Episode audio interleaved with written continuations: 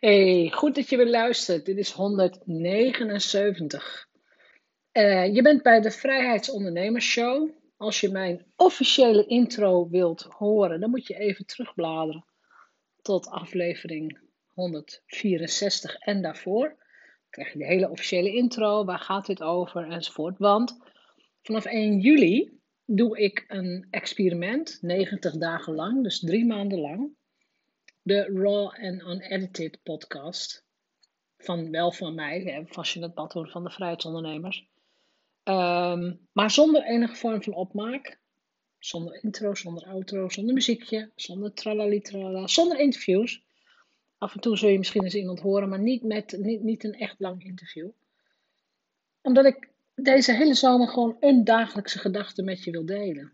Gedachte, een gedachte over ondernemerschap, over mindset, over groei, over geld, over marketing. Dat wat ter tafel komt, zou je bijna zeggen. En vandaag wil ik het hebben over um, het fenomeen plankenkoorts. En laat ik het zeggen, zo noem ik het dan maar, plankenkoorts. Dat heb ik niet zelf uitgevonden, dat is een bestaand woord.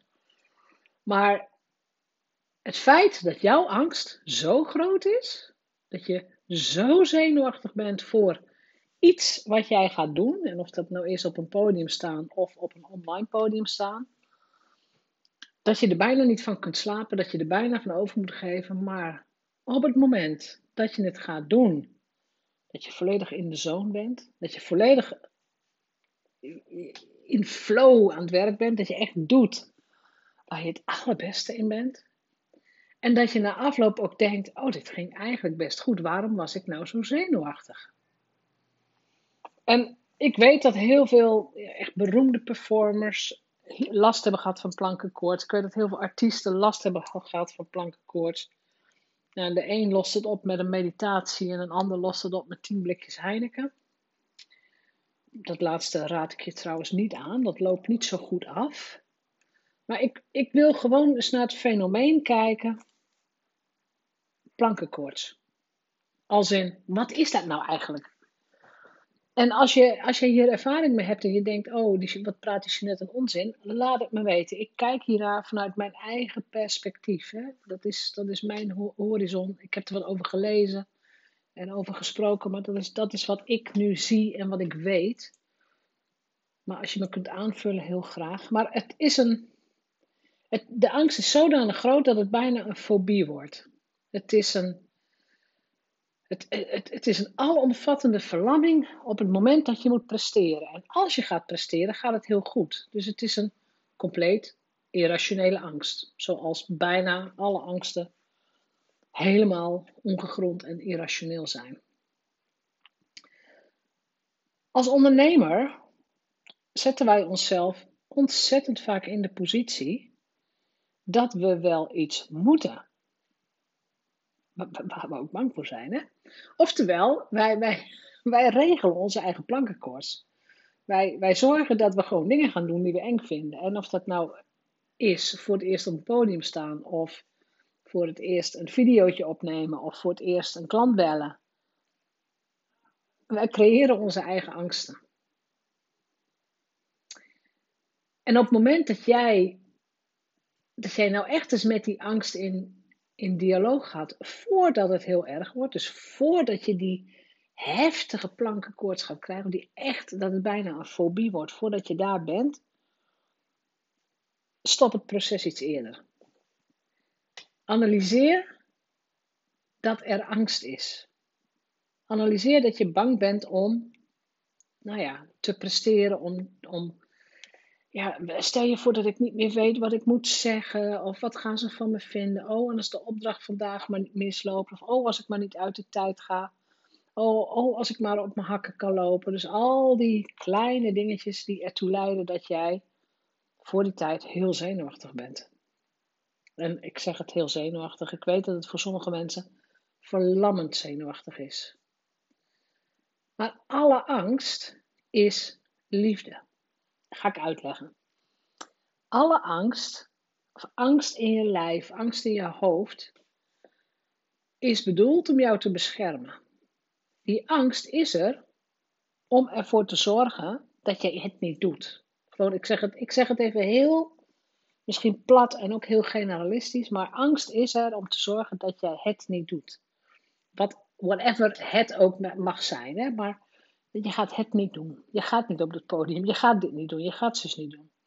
Want, en dan komt je basisangst, stel dat je wordt veroordeeld, mensen gaan wat van je vinden en ze gaan je afwijzen.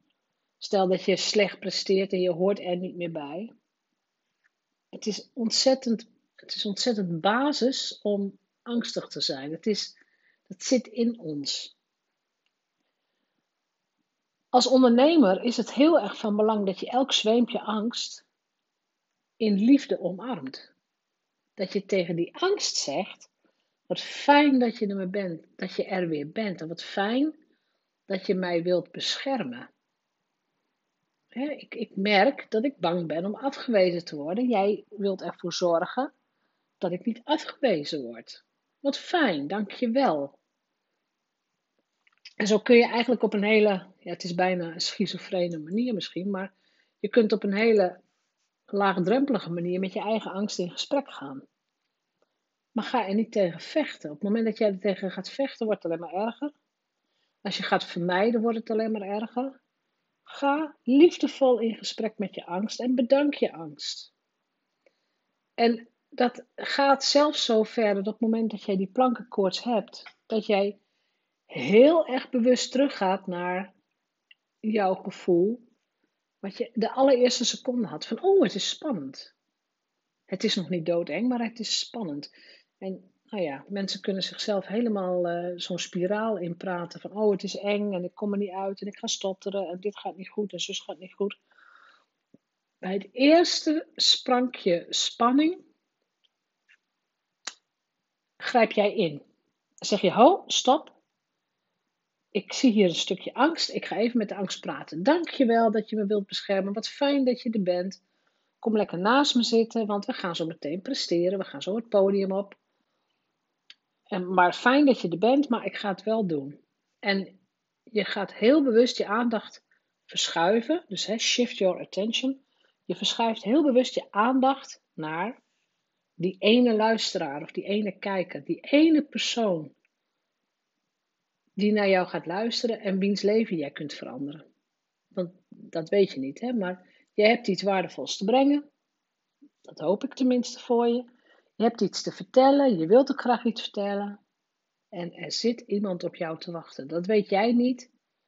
En dat weet die andere persoon ook niet. Maar soms is het zeggen van één zin al voldoende om het leven van iemand te veranderen. Om de mindset van iemand te veranderen. En soms krijg je dat ook jaren later terug. Dat, dat mensen tegen mij zeggen: Goh, ik heb je daar en daar zien spreken en toen zei je dit en dit. Eén of twee zinnetjes. En dan zeggen ze zoiets van, ja, dat ben ik nooit vergeten. Wat fijn dat je dat zei, of wat heeft me dat geholpen. En die ene gedachte, daar, daar ben ik heel blij mee. En op het moment dat jij ook als spreker, of ook als trainer, ook online trainer, op het moment dat jij jouw aandacht helemaal gaat schuiven naar de ontvanger, naar de persoon die meedoet aan jouw training, die, mee, die meedoet aan de challenge. En je neemt je voor om, om dit vanuit joy en vanuit lichtheid te doen. Dan zul je zien dat er een hele andere emotie bij jou binnen gaat komen. Dat is meer de emotie van bijvoorbeeld van dankbaarheid. Wat fijn dat er mensen meedoen met mijn challenge. Of wat fijn dat er mensen in de zaal zitten. Wie is een spreker als er niemand in de zaal zit? Nou, dan ben je een spreker van helemaal niks. Ik bedoel, een spreker zonder publiek is ook gewoon helemaal niks. Dus die rolverdeling van het zijn van expert en het hebben van een audience, dus een publiek, is een hele logische rolverdeling. En het is aan jou om te bepalen: ben je publiek of ben je expert? En nou, in mijn mastermind groepen werk ik met experts, hè, mensen die leven van hun kennis, die hebben ergens verstand van. En als expert kom je voor bepaalde uitdagingen te staan. En daar, nou ja, daar loodsen we mensen doorheen. We ondersteunen, we geven feedback, maar ook gewoon het vertrouwen. Waarom zou jij niet een fatsoenlijk verhaal kunnen vertellen? Wat, wat staat je in de weg? Ja, je eigen hersenen. Oké, maar die houden je toch de hele dag voor de gek. Dus waarom zou je hier wel naar luisteren? Waarom zou je hem niet andersom kunnen denken? dus als jij denkt van, oh, dit is heel eng en ik kan het niet, kun je net zo gemakkelijk denken, dit is joy, dit is lichtheid en ook dit kan ik. Ik vertrouw erop dat de goede woorden op het goede moment tot mij komen. En dat is een spier die je traint. Dat is echt training. Je bent elke, elke keer weer bezig met: ik heb er vertrouwen in dat op, op het goede moment ik de goede dingen zeg. Ik heb er vertrouwen in dat ik waarde toevoeg aan het leven van de mensen die luisteren. Daar heb, nou ja, daar heb je vertrouwen in. Neemt niet weg dat je jezelf natuurlijk ook gewoon goed voorbereidt. Dus op het moment dat jij op een podium staat, of dat jij een challenge organiseert of een training geeft, ja, dan moet je natuurlijk wel weten dat je een fatsoenlijk verhaal vertelt. Dus de content heb je in orde, hè? dat heb je voorbereid. Het, is niet losbollig op een podium gestaan en denken, oh dit is joy en lichtheid. Nee, dat heb je voorbereid. Dus dat, dat doe je. Je doet je huiswerk, je bereidt je voor. En op het moment dat je gaat presteren, of de momenten voordat je gaat presteren, schuif jij je aandacht naar die ander. Mocht het dan nog steeds onoverkomelijk zijn, dus mocht de spanning nog steeds heel hoog oplopen, dan zou ik bijvoorbeeld een keer een, hypnosesessie of zo gaan boeken ergens. Maar dan zou, ik, dan zou ik inderdaad kijken, wat zit er nog in mijn onbewuste, wat mij zo blokkeert, wat mij zo tegenhoudt. En inderdaad, wil ik dat mij dat blokkeert? Wil ik dat, dat dit mijn, mijn bedrijf, mijn business tegenhoudt? Nou, ik hoop het niet. Dus is je missie groter dan je angst? Als ik dit aan mensen vraag, dan zeggen ze: Ja, tuurlijk, mijn missie is groter dan mijn angst. Ja, waar zeur je dan over? Denk ik dan. Weet je? Hou op met zeuren, hou op met navelstaren. Schuif je aandacht naar die klant. Die klant heeft jou nodig. Die is diep bedroefd, die komt niet vooruit, die zit helemaal vast. En jij hebt de oplossing. Oftewel, jij gaat leveren, je gaat waarde delen. En jouw angst begroet je als een hele waardevolle bondgenoot. Want doordat jij die angst voelt, doordat jouw adrenaline lekker omhoog gaat, presteer je ook beter. Dat was de gedachte voor vandaag. Plankenkoorts en ja, hoe ga je daarmee om? Nou, op deze manier dus. Op de no-nonsense vrijheidsondernemersmanier. Ben je geïnteresseerd om mee te doen in een van mijn mastermind groepen? Dan uh, ga dan naar de website jeanettebadhoorn.nl. Boek een intakegesprek. Ik heb geen idee wanneer je luistert. Maar de nieuwe groepen beginnen op de eerste dag van elk nieuw kwartaal. Dus ik neem dit op in de zomer van 2021. De eerstvolgende groep start op 1 oktober 2021. Um, ehm, alleen na intake. Ik wil, ik wil echt even weten wie komen er in de groepen, waar staan ze voor en maar ook wat zijn de business uitdagingen. Dat doen we alleen naar intake. En tot die tijd, ja, je kunt het doen met mijn boeken. Kun je ook bestellen via de website of via managementboek.nl of via bol.com. Je kunt het doen met de podcast. En laat mij weten welk onderwerp ik ga bespreken of überhaupt wat jouw businessvraag is. Of je persoonlijke ontwikkelingsvraag. En wie weet maak ik daar een, uh, een aflevering over. Dus dit onderwerp, het plankenkoorts, was ingegeven door iets wat er in onze mastermind groep gebeurde. Gewoon zenuwen, zo groot, dat, dat het heel moeilijk was om je te richten op, op de groep, op de, ja, de deelnemers enzovoort. Ja, daar hebben wij het dan over. En ik geef je heel graag gewoon mijn visie daarop. Ik hoop echt dat je daar wat aan hebt. En dat je inderdaad die angst omarmt en het toch gaat doen. Goed, fijne dag en tot morgen.